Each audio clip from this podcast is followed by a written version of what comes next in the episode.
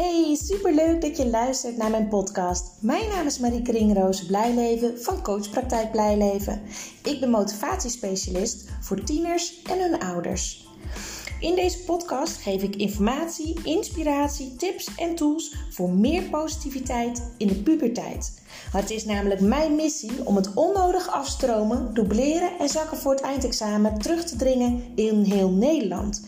Ik weet inmiddels uit ervaring dat als het contact tussen ouder en tiener positief is, dat dat direct effect heeft op het welbevinden en de schoolresultaten van een tiener.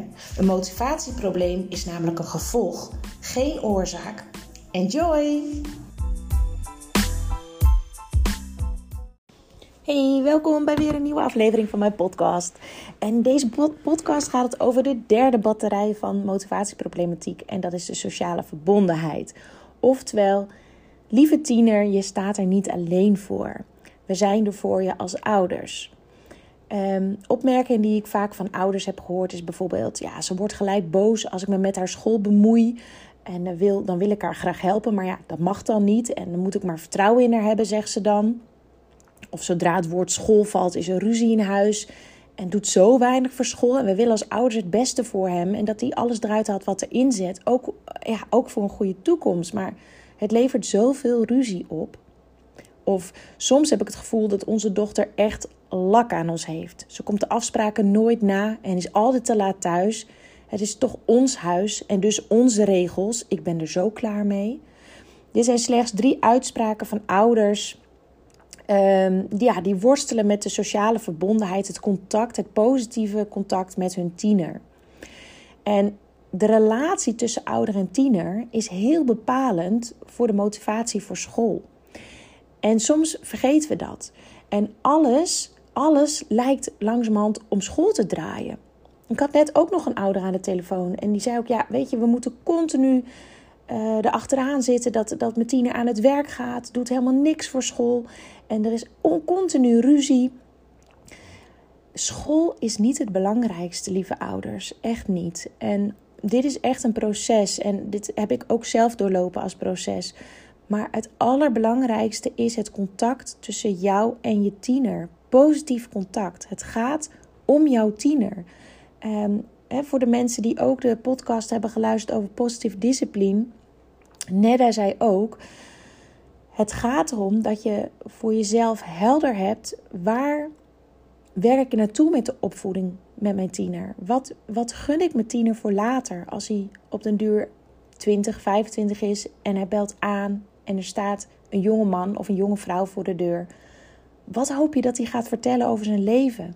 Welke vaardigheden heeft hij zich eigen gemaakt? Heeft hij ontwikkeld? Wat heeft hij geleerd in zijn leven? Um, hoe ziet zijn leven eruit? Heeft hij een fijne vriendengroep enzovoort?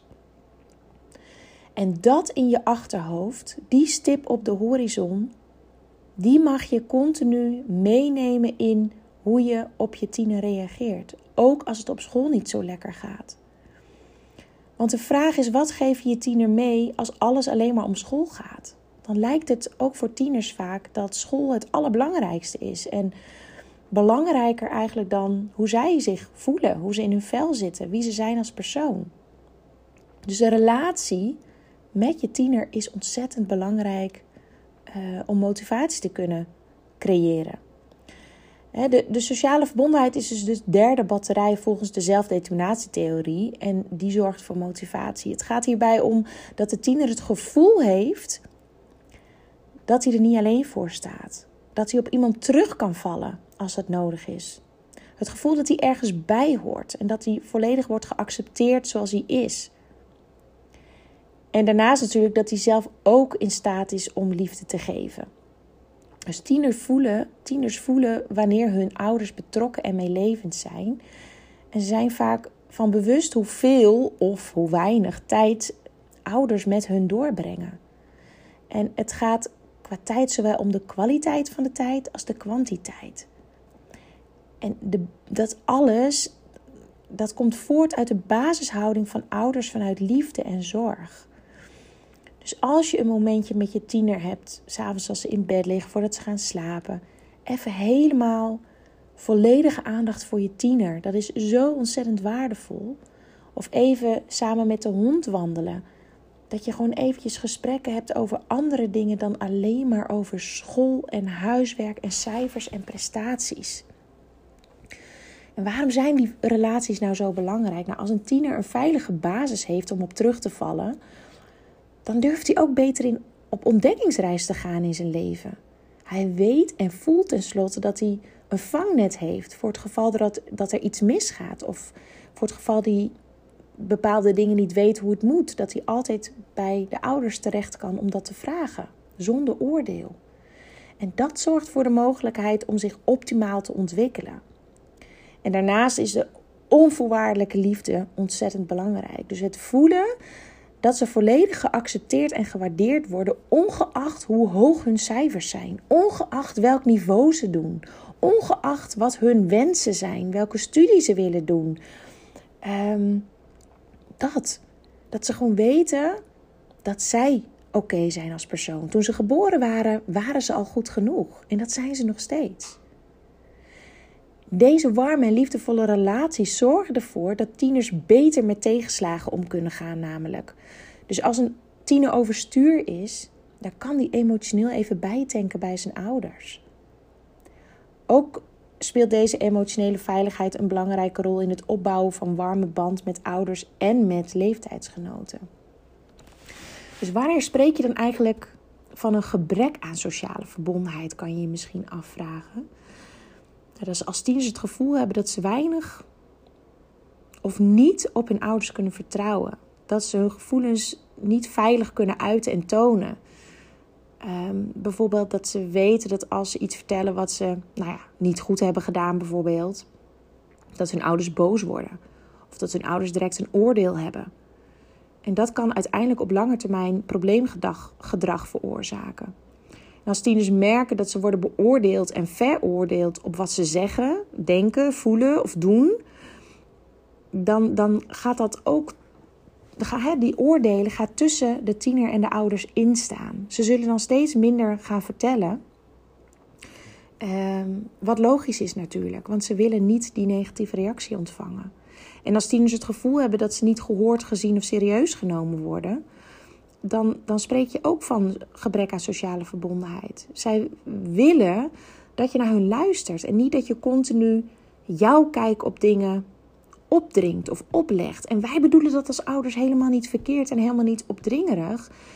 Wij hebben de ervaring uh, in het leven wat zij nog niet hebben. Dus wij willen met al onze goede bedoelingen onze tieners behoeden voor fouten of voor vergissingen. We willen voorkomen dat ze verdrietig worden of gekwetst worden. Maar daarmee ontnemen we ze eigenlijk een heel belangrijk proces, een heel belangrijk stuk van hun ontwikkeling. Want onze tieners mogen juist tijdens het opgroeien leren om met tegenslagen om te gaan. En leren met dingen en situaties en mensen in te schatten. En dat leer je alleen maar door er tegenaan te lopen. En niet doordat het continu voorkomen wordt. Want dan loop je er niet tegenaan. Dan word je continu gered. Dus ook al zijn het, is het allemaal vanuit hele goede bedoelingen. De vraag is of het datgene oplevert wat je voor ogen hebt. En op de lange termijn is dat dus niet zo. Want mogelijke gevolgen van gebrek aan sociale verbondenheid, ja, daar wil je eigenlijk helemaal niet aan denken als ouder. Maar ik wil ze toch even aan jullie meegeven om duidelijk te maken hoe belangrijk het positieve contact, het echte contact tussen tiener en ouder is. Mogelijke gevolgen zijn bijvoorbeeld tieners zoeken hun sociale verbondenheid op straat. Bij tieners die ook een gebrek aan sociale verbondenheid uh, voelen. Thuis bijvoorbeeld.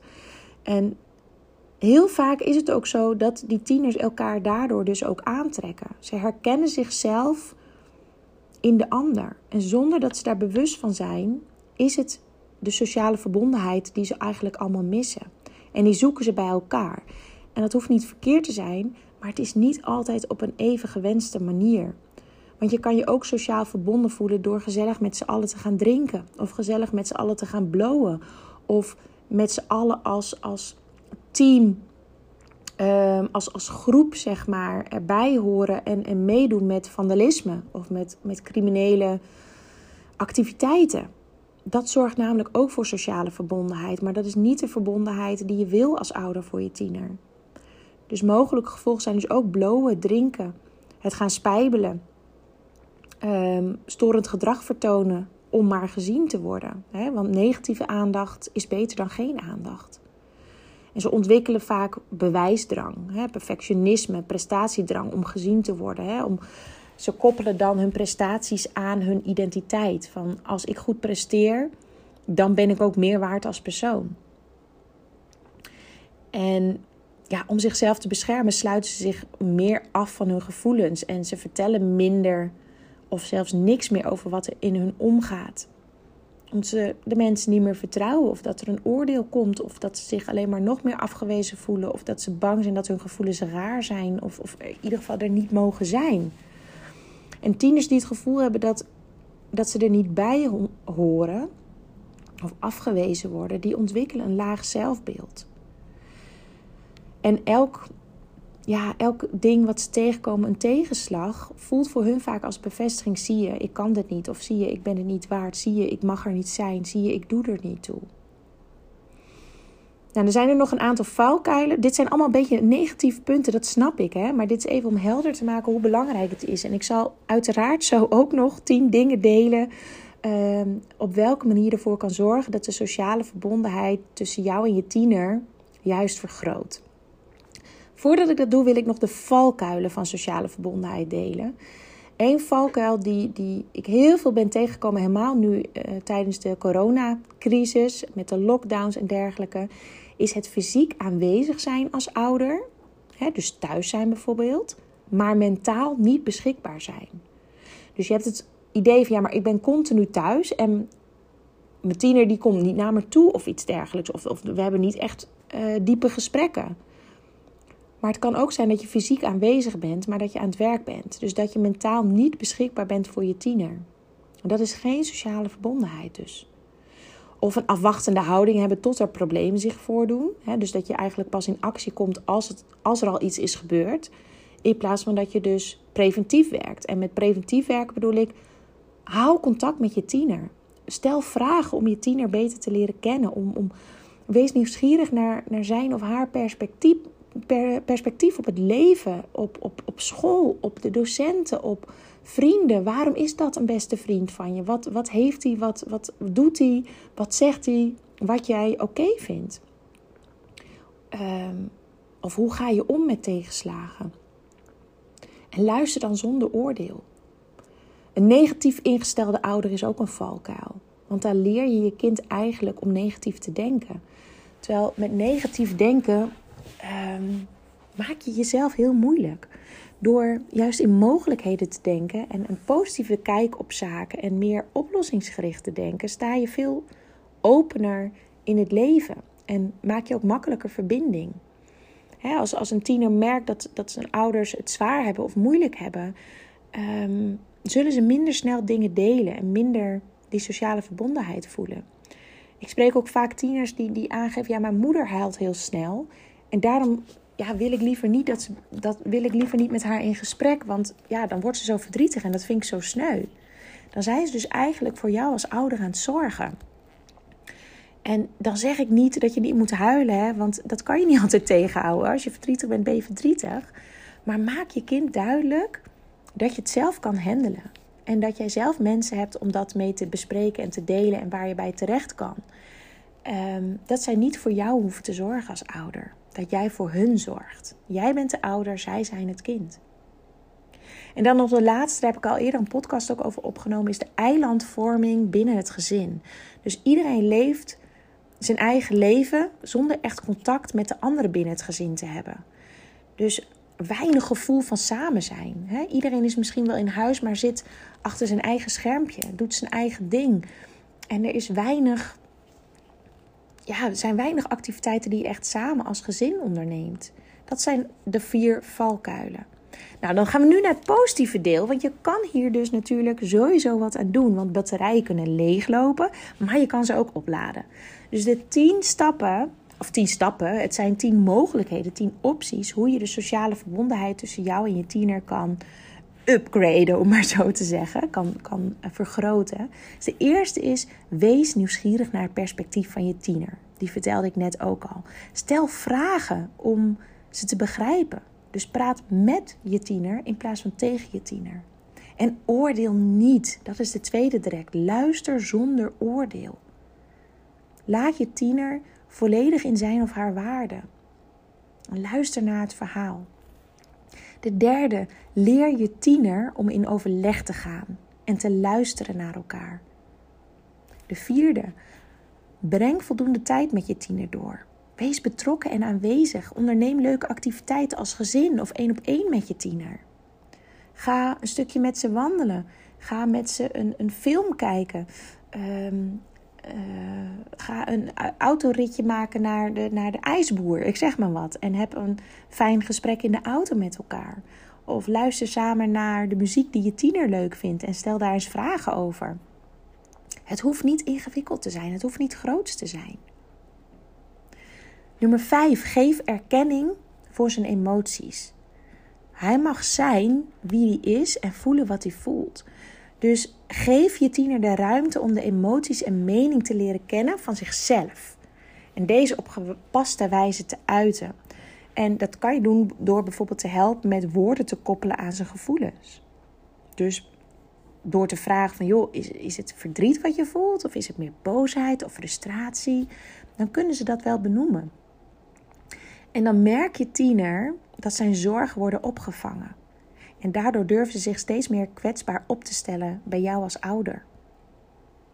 Nummer 6, accepteer wat zich voordoet zonder het te veroordelen. 7.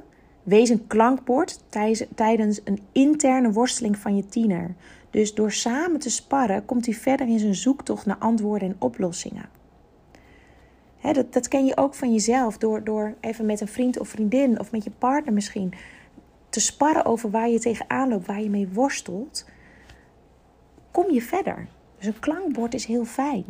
Dus ga niet direct oplossingen en adviezen geven, maar luister gewoon. Wees een klankbord. En laat je tiener zelf zijn zoektocht naar antwoorden en oplossingen uh, hebben. Nummer 8. Laat het weekend weekend zijn. Geef ze ruimte om te doen wat hij graag wil doen. Prop het niet helemaal vol met dingen die moeten. Weekend is even ontspannen, even alles loslaten en geef ze die ruimte ook. Nummer 9. Voorkom dat je tiener zich thuis eenzaam voelt. Dus zorg dat je beschikbaar bent voor je tiener. Dat je even tijd maakt als er iets is. En tieners hebben er op een of andere manier voelsprieten voor om te komen op momenten dat jij of heel moe bent, op het punt staat dat je naar bed gaat, of dat je iets belangrijks voor je werk aan het doen bent. En ik zeg niet, gooi alles direct aan de kant, maar zeg, joh, geef me even een kwartiertje, rond ik dit even af en dan kom ik bij je en heb ik volle aandacht voor je. Want ik gun het jou dat ik met mijn volle aandacht kan luisteren. Dus zorg dat je beschikbaar bent voor je tiener. En de laatste, zet tijdens een conflict je eigen mening en gevoelens even opzij. En sluit aan bij je kind om hem eerst de ruimte te geven. Dus laat ze vertellen wat er in hun omgaat, waarom ze boos zijn, waarom ze reageren zoals ze reageren en luister. Luister zonder oordeel. Zodra zij namelijk de ruimte krijgen om het te vertellen, kunnen ze daarna ook makkelijker openstaan om jouw kant te horen. Dus stel ze de vraag of, je, of ze ook benieuwd zijn naar jouw kant van het verhaal. En als ze toestemming daarvoor geven, dan zullen ze ook beter naar je luisteren. Ehm, dus dan kan jij daarna ook jouw verhaal doen. Als je namelijk niet eerst je tiener bijvoorbeeld de ruimte geeft, dan blijven jullie allebei vechten om je eigen behoeften te vervullen. Want jullie willen allebei dat er naar je wordt geluisterd. En dan ga je schreeuwen. En schreeuwen is een teken van onmacht. Het gevoel hebben dat je niet gehoord wordt, niet serieus genomen wordt. En als je allebei aan het vechten bent om je eigen behoeften te vervullen, krijg je absoluut geen contact met elkaar. Dus die is zeker ook heel belangrijk. Dat zijn de 10 mogelijkheden om de sociale verbondenheid met je tiener te vergroten. Ik zou zeggen, kies er eentje uit, ga ermee aan de slag en je zal merken dat er, dat er veel meer rust in huis komt, dat er veel meer motivatie ook ontstaat om, om met school aan de slag te gaan, Omdat ze weten dat jij als ouder je tiener al volledig accepteert, los van de cijfers, los van het niveau, los van de werkhouding. Het gaat om je tiener. Het gaat niet om die cijfers. Laten we dat met z'n allen niet vergeten. Oké, ik wens jullie heel veel liefdevolle, mooie momenten met je tiener. En uh, ik hoop dat je hier weer wat uit hebt kunnen halen. En dan uh, neem ik snel weer een podcast voor jullie op. Fijne dag. Doei doei.